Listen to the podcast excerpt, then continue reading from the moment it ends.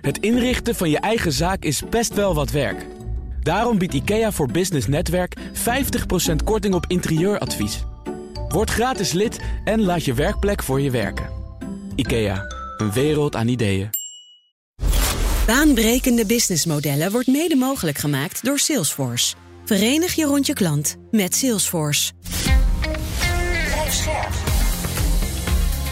BNR Nieuwsradio. Baanbrekende businessmodellen. John en Patrick. Naam van jullie stichting. 100 Weeks. Geef in maximaal twee zinnen aan waarom jullie concept aanslaat. Je kunt mensen vertrouwen die hun handen uit de mouw willen steken door ze gewoon geld te geven. En daarmee bouwen ze een eigen bedrijfje op. Wat is de grootste misvatting over mensen die in extreme armoede leven? Dat ze zelf niet weten wat het beste voor hen is. Wat is de remmende factor in jouw businessmodel? Eigenlijk nu funding. En beste Jeroen, welk probleem lossen jullie eigenlijk op? Armoede. Over bedrijven die zichzelf opnieuw uitvinden en nieuwkomers die bestaande markten opschudden. Dit is baanbrekende businessmodellen. Met mij, John van Schagen en Patrick van der Pijl. Onze gast is Jeroen de Lange van 100 Weeks. Van harte welkom. Dankjewel. Leuk om hier te zijn. Ja, je hebt een, eh, een businessmodel ontwikkeld tegen armoede. Eerst even de cijfers. Hoeveel mensen in de wereld leven er eigenlijk in extreme armoede? Rond eh 800 miljoen. Als je meet met eh, de standaard van de Wereldbank. Dat is onder de 1,9 dollar per dag die ze te besteden hebben. Ja, en het waren in de jaren 90 nog iets van 1,2 miljard mensen. Dus het, het gaat wel beter. Het gaat beter, maar dat komt vooral omdat heel veel mensen in China en India uit de armoede zijn eh, Oh ja, gekomen. groeiende middenklasse natuurlijk. Groeiende middenklasse in die landen. Eh, armoede concentreert zich steeds meer in Afrika. En dan jullie concept, eh 100 Weeks. Ehm, ja, leg maar even uit in de kern. Hoe, hoe werkt het? Nou, wa- wat we zeggen, we geven dan in het Engels temporary cash for permanent change. Dus wat doen we? We kiezen mensen die handen uit de mouw willen steken, vrouwen. Wat krijgen ze? 100 weken, elke maandagochtend rond de 8 euro. Dat sturen we op een mobieltje, dat is één. Twee, ze zitten in een groep. Ze komen dus wekelijks bij elkaar, dan sparen ze samen. Ja, even En wachten, drie, je ze zegt- krijgen training. Ja, je zegt dat sturen we via een, een sms dan. Ja, dat is, dat is iets wat we in Nederland eigenlijk niet kennen. We sturen geld, dat heet mobile money. Dat is heel groot in Afrika. Dat je kunt dus geld sturen via een sms'je. En Ah, hoe gaat het dan? Dus wij storten eigenlijk geld bijvoorbeeld op de, zeg maar de, de T-Mobile, dat heet nou Odido, eh, van, van zo'n land. Iemand krijgt een sms'je, laat dat sms'je zien bij een lokaal winkeltje, loketje, en krijgt dan uitbetaald. Dus hij krijgt dan echt het geld eh, eh, in haar handen. En dat is een gesloten systeem. Dus dat, eh, en daarmee kunnen we ook heel goed volgen of de mensen die in ons programma zitten ook echt dat geld krijgen. En dat kunnen we ook bewijzen. En het zijn mensen die krijgen dan eh 8 euro. Vrouwen in dit geval. Ja, Eh, vrouwen. waar- waarom eigenlijk vrouwen? Nou, toen ik het begon, eh 100 Weeks, eh, was het eigenlijk helemaal niet eens de bedoeling om per se aan vrouwen te geven. Ik heb toen heel veel onderzoek gedaan. En ja, sorry voor onze gasten, maar vrouwen gaan beter om met geld. Ja. Eh, besteden beter aan, aan hun kinderen. Bij ons thuis heel anders overigens. maar- Ja, dus, dus uiteindelijk kwa- eh, kwam ik erop uit. Ja, het is gewoon veel effectiever als je mensen uit de armoede wil halen om het aan vrouwen te geven. Eh, eh, dat was eigenlijk de reden. En, en daarom zijn wij door, doorgaan met vrouwen. En eh, ja, dat blijkt dus uit de cijfers dat het, eh, dat het inderdaad klopt. Ja, dus eigenlijk zie je in jouw businessmodel een aantal belangrijke eh, pilaren. Dus één is die infrastructuur van die eh, betalingen. Want daardoor blijft er niks aan de strijkstok hangen. Dus het gaat rechtstreeks naar degene die het nodig heeft. Ja, is dat ook het belangrijkste waarom je dat zo doet? Dat er niks aan die strijkstok blijft hangen? Ja, ik- ik ben er begonnen omdat eh, ik vond dat in die zeg maar, de hele wereld van de hulp een radicale innovatie mogelijk was. Ik ben ook al heel erg geïnspireerd geweest door Airbnb of door Uber. Ja. Ik heb toen ook al gedacht, waarom kan goed doen niet bedrijfsmatig georganiseerd worden? Dat was mijn grote droom. Het anders organiseren en iets doen wat radicaal eh, anders werkt. Hè. Dat is natuurlijk totale omkering in plaats van zelf waterputten gaan slaan. Zeggen, nee, we vertrouwen die mensen, we geven gewoon geld. En dat is natuurlijk ook het, ja, het, het eh, kost, meest kosteffectief te organiseren. Mensen hier doneren. En eigenlijk zijn we zo'n Rechtstreeks, Zonder organisatie, met een hoofdkantoor, overhead Ja. en et cetera, et cetera. Maar je, Ah, ja. Patrick, jij zei, ik zie een aantal pilaren. Ja, dus dat is één. En dan tweede is dat je daarmee ook natuurlijk direct zichtbaar eh, laat zijn wat die, die resultaten zijn. Hè. Dus omdat het rechtstreeks naar zo iemand toe gaat. Ja. Ehm, het ene wat ik wel opvallend vind is, ik, meestal zie je ook in dat soort platform modellen een hefboom op vrijwilligerswerk. Zit dat bij jou ook nog iets vrijwillig of doe je dat zelf vrijwillig? Of zijn er anderen in die communities daar die nog dingen vrijwillig doen? Ja, we hebben natuurlijk wel een klein team in Nederland. Hè, dus er is natuurlijk wel overheid. Hè, want ik, ik doe dat natuurlijk, kan dat ook niet als vrijwilligerswerk doen. En we hebben kleine lokale teams. Maar willen we zo klein mogelijk houden. Die kleine lokale teams, een beetje ingewikkeld, maar die gaan ook niet het dorp in om te zeggen jij wel, jij niet. Maar we werken altijd met een lokale partner. Bijvoorbeeld met de lokale kerk of een lokale eh, vrouwenorganisatie. Die weten wie de armsten zijn. Dus die komen ook dan met een groep vrouwen en zeggen: Nou, dit zijn echt vrouwen, zijn serieus wel heel arm. Uh, dus deze vrouwen zeg maar, die verdienen het. Dus zeggen, zijn de deserving women om dat programma te krijgen. In plaats van dat jij daar als buitenstaander, als Europeaan zo'n dorp in komt en uh, iedereen op een rij zet en jij wel, jij niet. Ja, dat, dat werkt natuurlijk ook nee, niet. Nee, nee. Dus de verhouding tussen Europa en Afrika verandert natuurlijk ook totaal. En dat heb ik ook nooit uh, gewild. Ik, ik heb er heel veel jaren gewoond. En je wilt niet weer die witte uithangen die een waterput gaat slaan of uh, ja. een schooltje opricht en dat iedereen daar heel blij mee is. dus zij moeten daar zelf bepalen. En vaak zeggen we ook tegen een dorp als we eh, dan de lokale partner van, nou, er is bijvoorbeeld geld voor 100 vrouwen. Maar ook de gemeenschap zelf moet dan bepalen wie die 100 vrouwen zijn. Want je wil ook niet dat er allemaal jaloezie eh, ontstaat en daardoor conflicten. En dat werkt in, in de praktijk? Het werkt. En hoe weten we dat? Omdat we heel veel meten. Dus eh, dat heet dan de baseline. Dus aan het begin meten we op ongeveer 60 indicatoren hoe arm vrouwen zijn. En aan het eind meten we dat en tussendoor ook. En daar, daarvoor gebruiken we mobile surveys. Dus we bellen die vrouwen. En alle data gaan in één database. En die data laten we ook zien aan gevers. Ja, dus een ander punt wat ik um, um, interessant vind is die infrastructuur. Hè? Dus um, je ziet dat die snelle opkomst van mobiele telefonie, uh, juist in Afrika heb je ook de mogelijkheid om die kleine geldbedragen uh, te verspreiden met dat uh, geld. Dus anders is zo'n concept ook niet mogelijk. Dan moet je eigenlijk even terug naar 2007 um, in Afrika. Daar, um, kijk, wat je weet is als je die on onderontwikkelde landen wil helpen ontwikkelen, dan heb je een bepaalde infrastructuur nodig. En dat is ook een bankair systeem. Alleen dat was daar ondenkbaar, want uh, dat was, was geen infrastructuur. Nee. Uh, toen die mobiele uh, telefonie opkwam, hebben ze geïnvesteerd in uh, mobiele masten, infrastructuur. En dat heeft de M-Pesa gedaan. Ja, want en als je in Afrika komt, uh, ja, uh, wie je ook ziet bijna, iedereen heeft daar een mobieltje ongeveer. Hè? Ja, en dat maakt uiteindelijk dat die um, bankaire infrastructuur over die telecominfrastructuur heen ging. En uh, dat werd gefund door een, uh, een, een, een, grote provider in uh, India. En zeiden ze, nou, als wij dit op die manier kunnen faciliteren, dan is er een financiële infrastructuur nodig met die microbetalingen, waardoor mensen geld kunnen ontvangen, maar het ook weer makkelijk aan anderen door kunnen geven.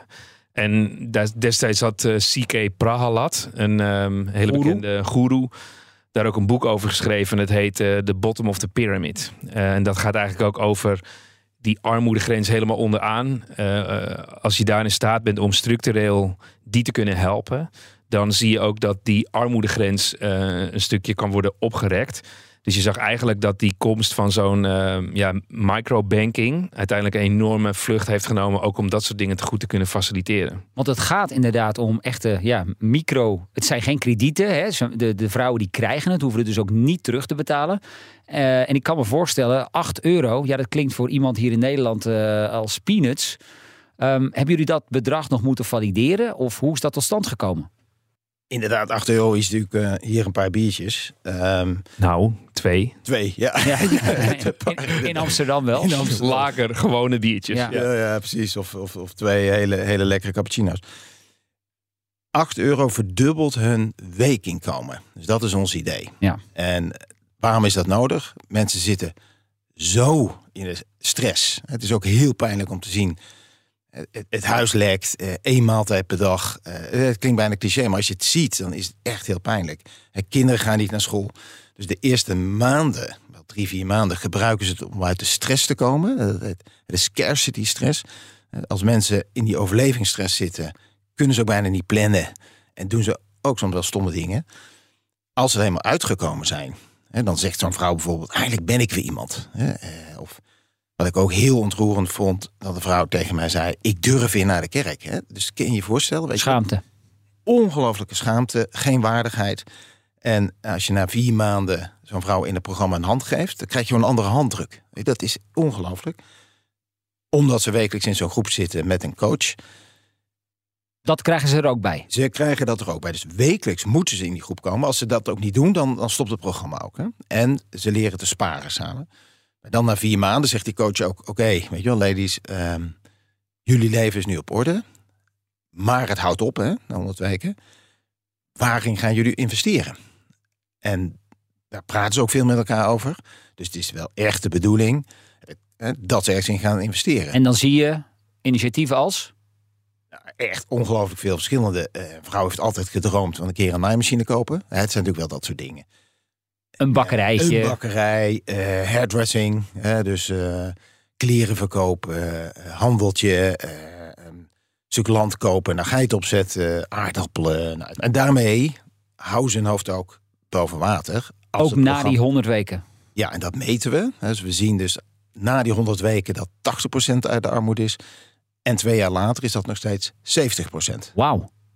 Ja, nee, dus, ja, ik, ik dus wij zijn daar ook heel, ik ben er ook heel, heel ik ja, zeker geen trots heb geen jarenlange dus. ervaring in de goede doelensector, maar volgens mij zijn dit extreem hoge percentages. Dit is inderdaad heel, heel hoog. En ik durf daarom ook te zeggen dat we de meest effectieve hulporganisatie van Nederland zijn. Wat ik ook wel mooi vind, ik op jouw website kijk, dan zie ik ook dat je zegt uh, geven zonder voorwaarden. Ja. Kun je dat eens toelichten? Wij zeggen niet tegen die mensen, je mag niet dit en dat en met het geld. De enige voorwaarde is, je moet naar die wekelijkse meetings komen. Ja. En je moet eraan deelnemen. Ja. Dat is eigenlijk de enige voorwaarde. Waar ze het aan besteden, laten we aan die mensen. In de, om, vanuit onze overtuiging dat, zoals, zoals wij dat te zeggen, they know best. Weet je wel? We gaan niet zeggen van, wat jij nodig hebt is een geit. Zo, dan zegt hij, ik wil helemaal geen geit. Ik heb er altijd van gedroomd voor een fietstaxi. of naaimachine. Ja, ja. Dus dat is een beetje de traditionele ontwikkelingssamenwerking.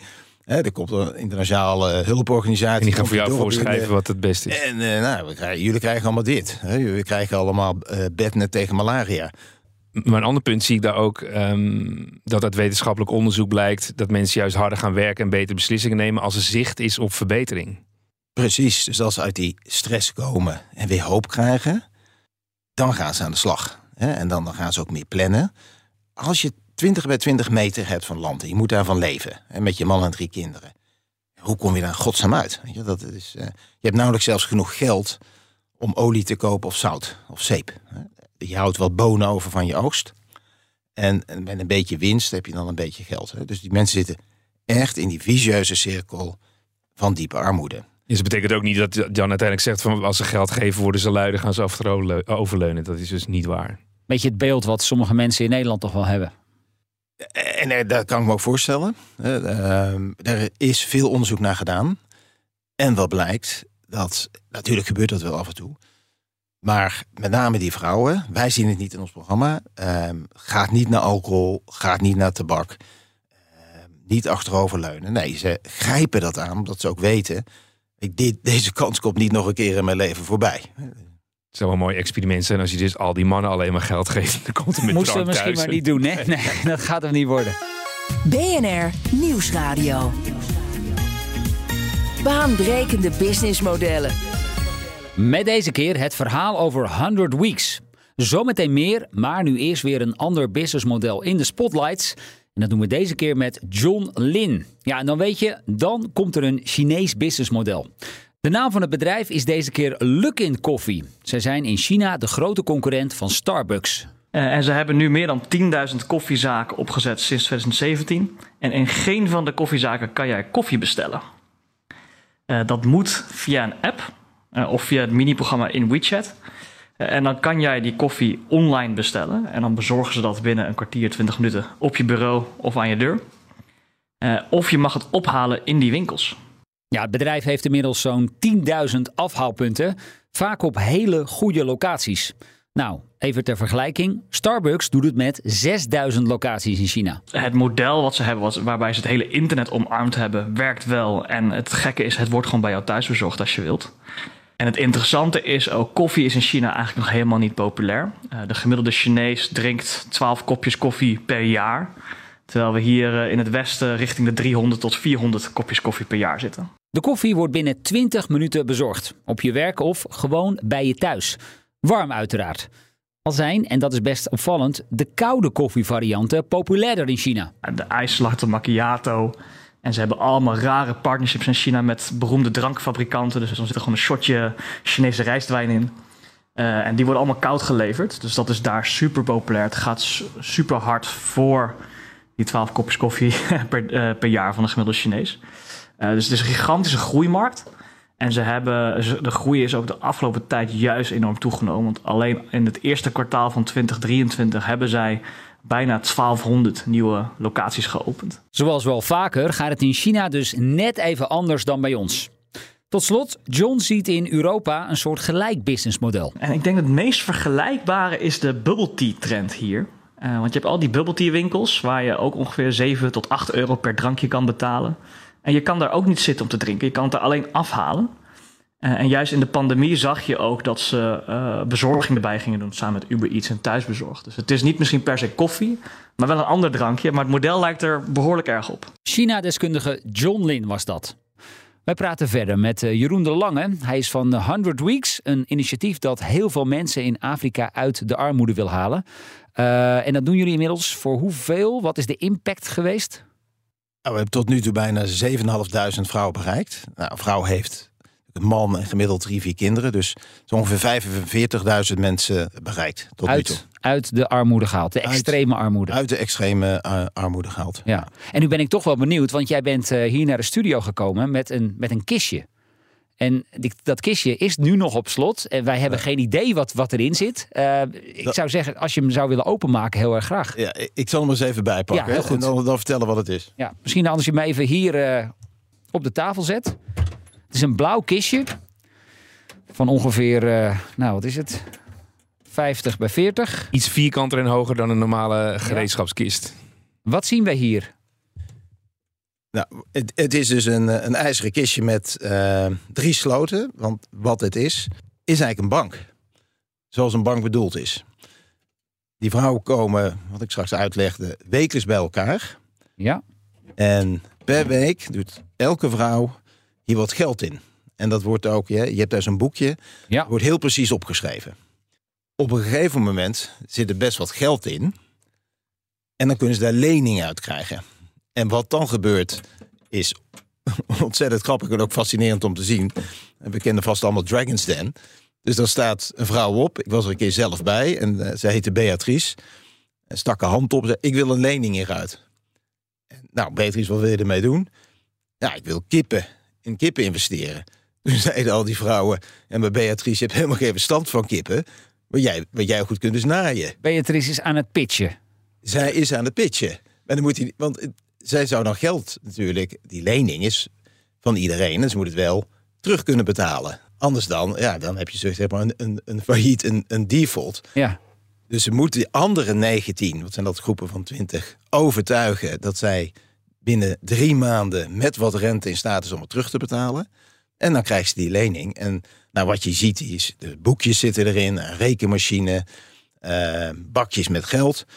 Dus ook als dan de sessie begint, loopt elke vrouw naar voren en die zegt: Nou, deze week doe ik zoveel geld erin. Nou, dan wordt het opgeschreven, loopt ze terug naar haar stoel en dan staat de volgende vrouw op.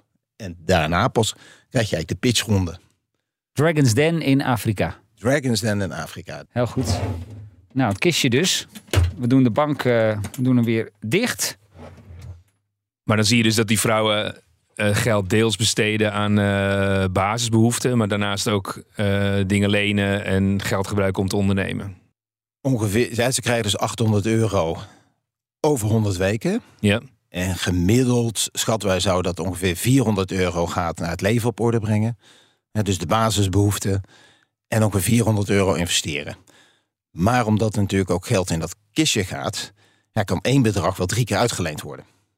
Ja. En op een gegeven moment zit er rente in. En soms wordt het dan, of één keer per jaar, wordt het dan weer uitgekeerd. Uh, en dat gaat zo steeds door. Ik wil nog even terugkomen op iets wat Patrick uh, aan het begin van de uitzending zei. Namelijk het zichtbaar maken van de resultaten. Daar hebben we het nog niet echt over gehad. Maar dat doen jullie. Dus jullie laten ook zien aan de donateurs wat er met het geld gebeurt. A, waarom is dat belangrijk? En B, hoe werkt dat? Hoe heb je dat georganiseerd? We willen natuurlijk zelf weten. Ik had dat idee, ik had er ooit van gehoord toen ik bij de Wereldbank werkte.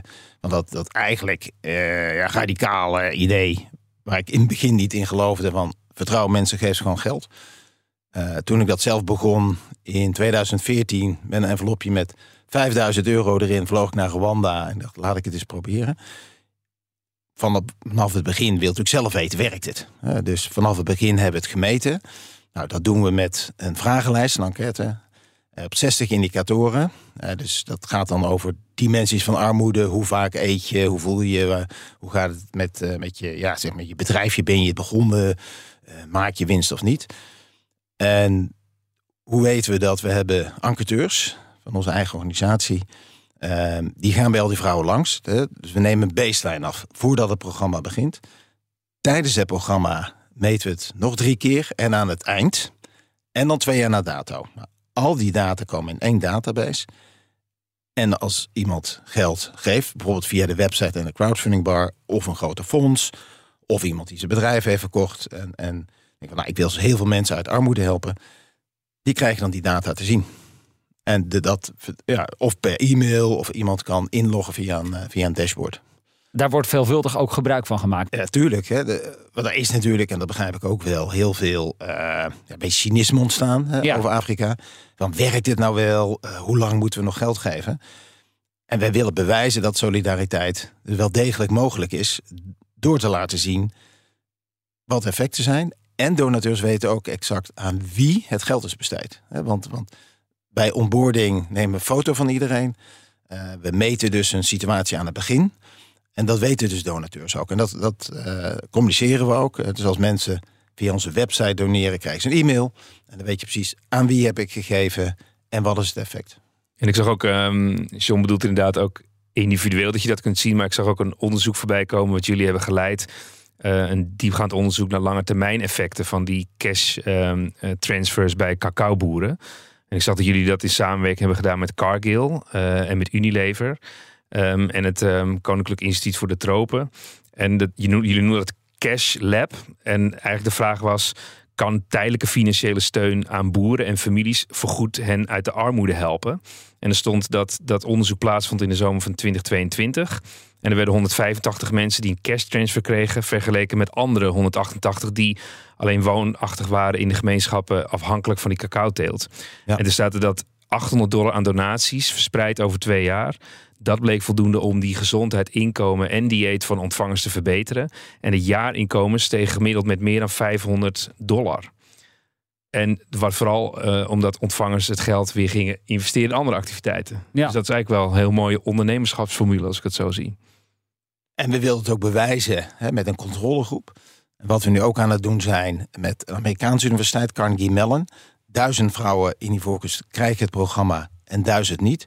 En wat wordt gemeten? Het effect op de ontwikkeling van kinderen. En ook op de hersenontwikkeling, op hun emotionele ontwikkeling, eh, cognitieve en, en fysieke ontwikkeling.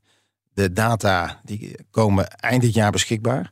En uh, nou ja, we verwachten dat het dus echt een enorm verschil zal zijn. Dus in de ontwikkeling van kinderen zelfs. Ja, in feite disrupt jij, uh, of jij bent een disruptor in die markt voor ontwikkelingshulp. Dat is een markt, daar gaan gigantisch veel miljarden in om.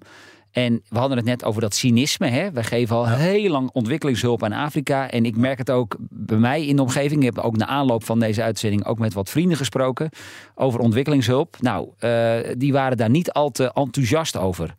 Um, zie jij jezelf inderdaad ook als een, als een disruptieve partij die, um, ja, die het anders doet? Dat was helemaal mijn intentie. Ik heb er lang in gewerkt. Ik heb ja, want je bent gezien... diplomaat geweest ja, lange ben, tijd, uh, in Rwanda onder meer. Ik ben diplomaat geweest. Ik heb uh, bij de Wereldbank gewerkt als, uh, als econoom. met vrouwen en kinderen heel veel jaren in verschillende landen gewoond. Ja, en dan zie je ook heel veel dat totaal niet werkt. He, nee, onderschatten hoe... Veel aan die strijkstok. Nou ja, het strijkstok... Vooral ook dat het gewoon niet werkt. He, dus de, en wa waarom dan niet? Ja, omdat we veel te weinig begrijpen hoe anders die landen zijn er is ook gewoon heel veel corruptie. Eh, laat wel wezen.